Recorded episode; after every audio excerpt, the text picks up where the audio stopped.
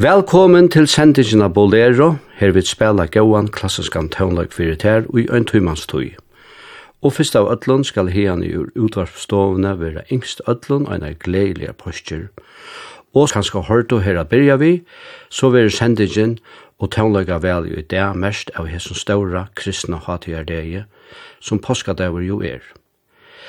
Vi lødde fyrir vi at høyra Beverly Hills All Saints Brass Ensemble, og Beverly Hills All Saints Church Choir, Sintja og spela sangen tja Henry John Gauntlet og Richard R. Webster, Jesus Lives. Og til halda fram og synder i sama støyle, vi kjenda lennon Jesus Christ is Risen Today, og i arrangementet tja P. Sjølund. Hetta er upprunaliga gammal latunskur solmur.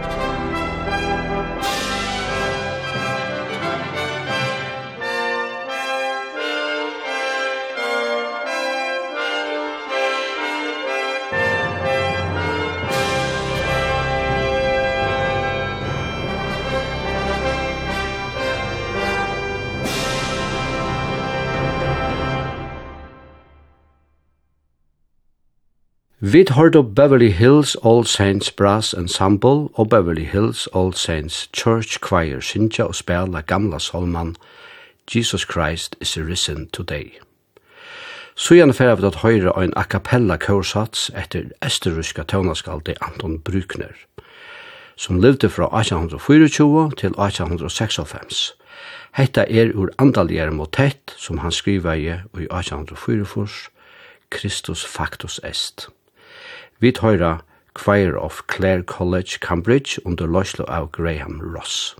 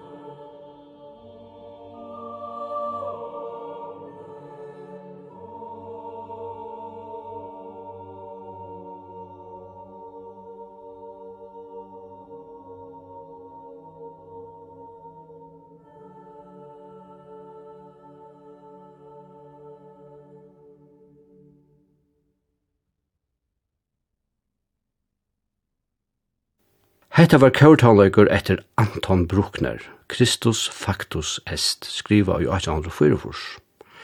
Og fra tui yvir til en sera kjenda sats. Hesefer er ta tøvnasviren George Fredrik Hendel, og jeg hever skriva. Vi fer at høyra enskosopranana Felicity Palmer, Sinja Arina ur oratorien Messias, vi teksten fra Jobb 19. kapitlet og versene 25 og 26, men er void at løsnare mun liver, og som hins syste skal han stuja fram av dustenon, og ta i hendan humoin er borstertard skal det ut ur holdemoinon skoa god. Og så øysne ur fyrsta brev Paulus er til samkomna i Korint, kapittel 15, og ørende 20. Men nu er Kristus risen opp fra hinn og deio, som frumgrauer tørra og sovna er. Vi tar som sagt Felicity Palmer Sintja og til er sama vi English Chamber Orchestra under løsle av Raymond Leppard.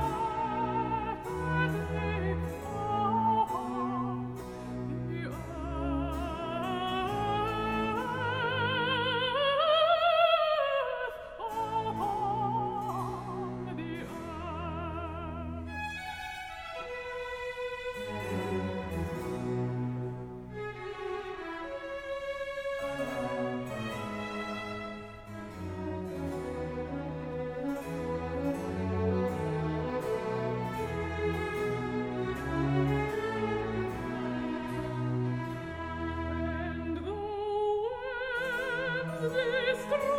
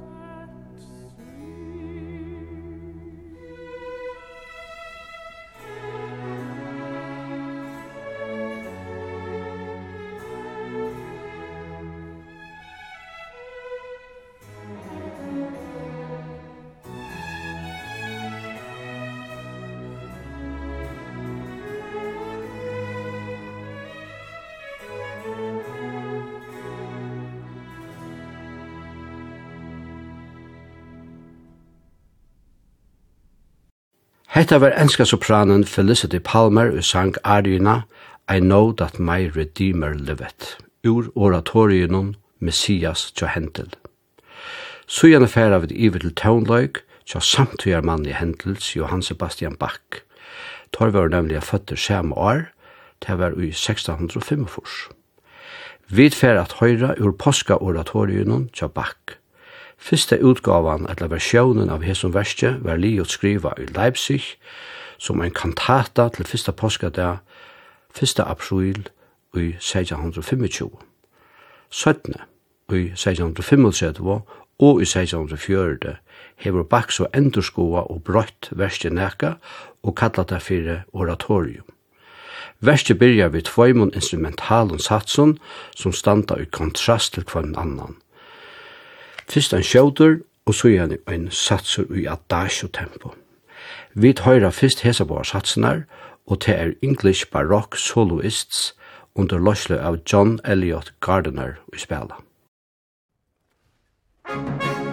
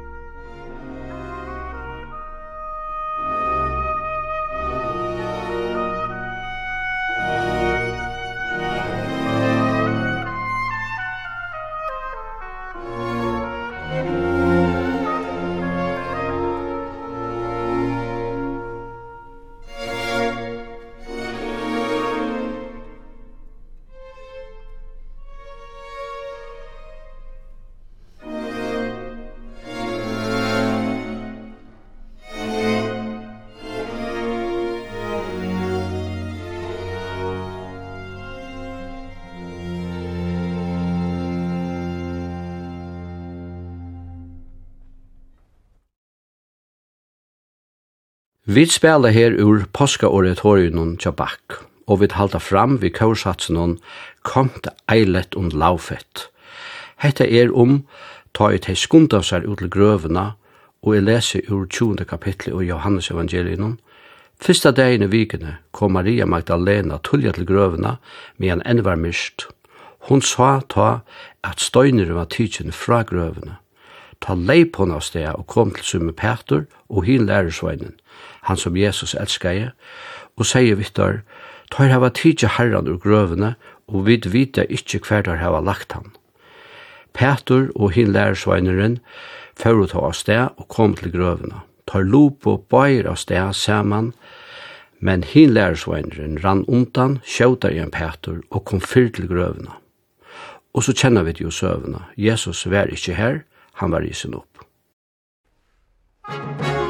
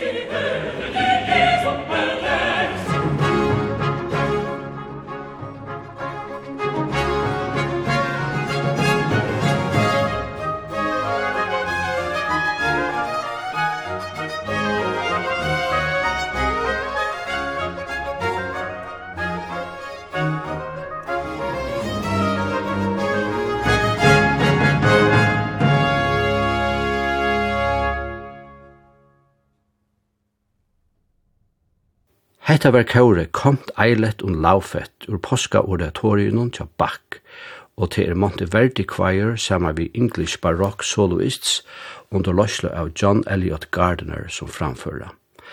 Så gjerne færa vi at høyra recitativ og ario ur sama verste. Hesen teksteren er om kjenslena Maria Magdalene hever, nu hon ikkje void kvært er vår av Jesus, og hon undrast iver hver hon man finna han. Hon synger saket vo ich jesum finde. Her er da Meg Bragel, og synger saman vi orkestrenen.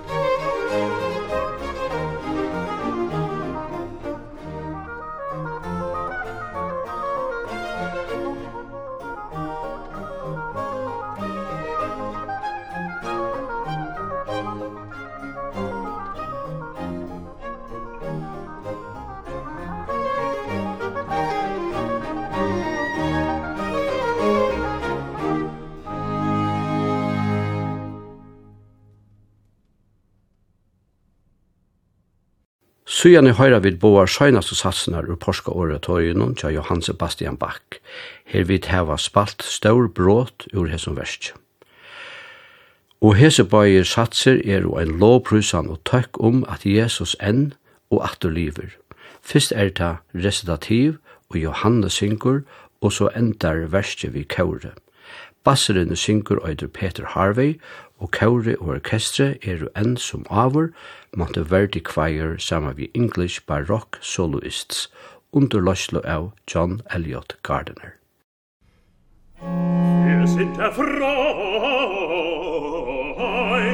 dass unser Jesus wiederlebt unser Herz, so erst in Traurigkeit zerflossen und geschwiebt, vergisst den Schmerz und sind auf Freudenlieder, denn unser Heiland lebet wieder.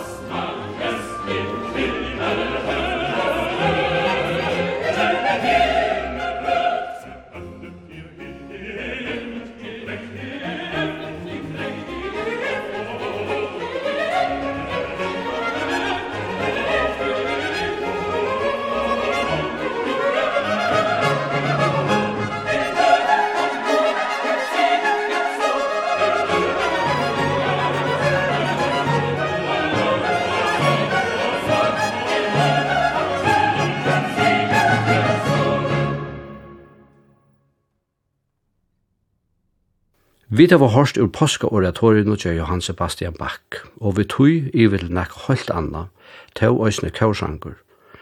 Vi høyra kjenda sangen Morgensang ur Elverskod tja Nils V. Gade.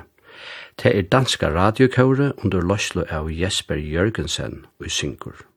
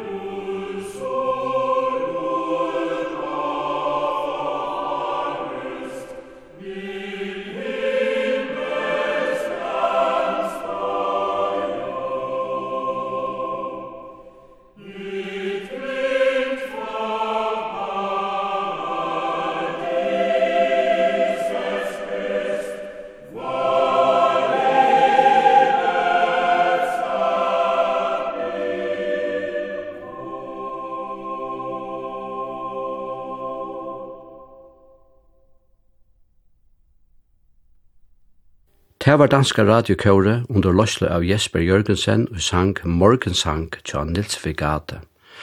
Og vi halda fram vi en dansk solme, og det er Grundtvig som yskyr i 1816, Påske blomst, vad vil du her? Og vi tfer og øsni at høyra solmen og opprunna malen, men i løyve mer her at lesa søgnaste ørende i føreske tøyingene tja Axel Tørgar.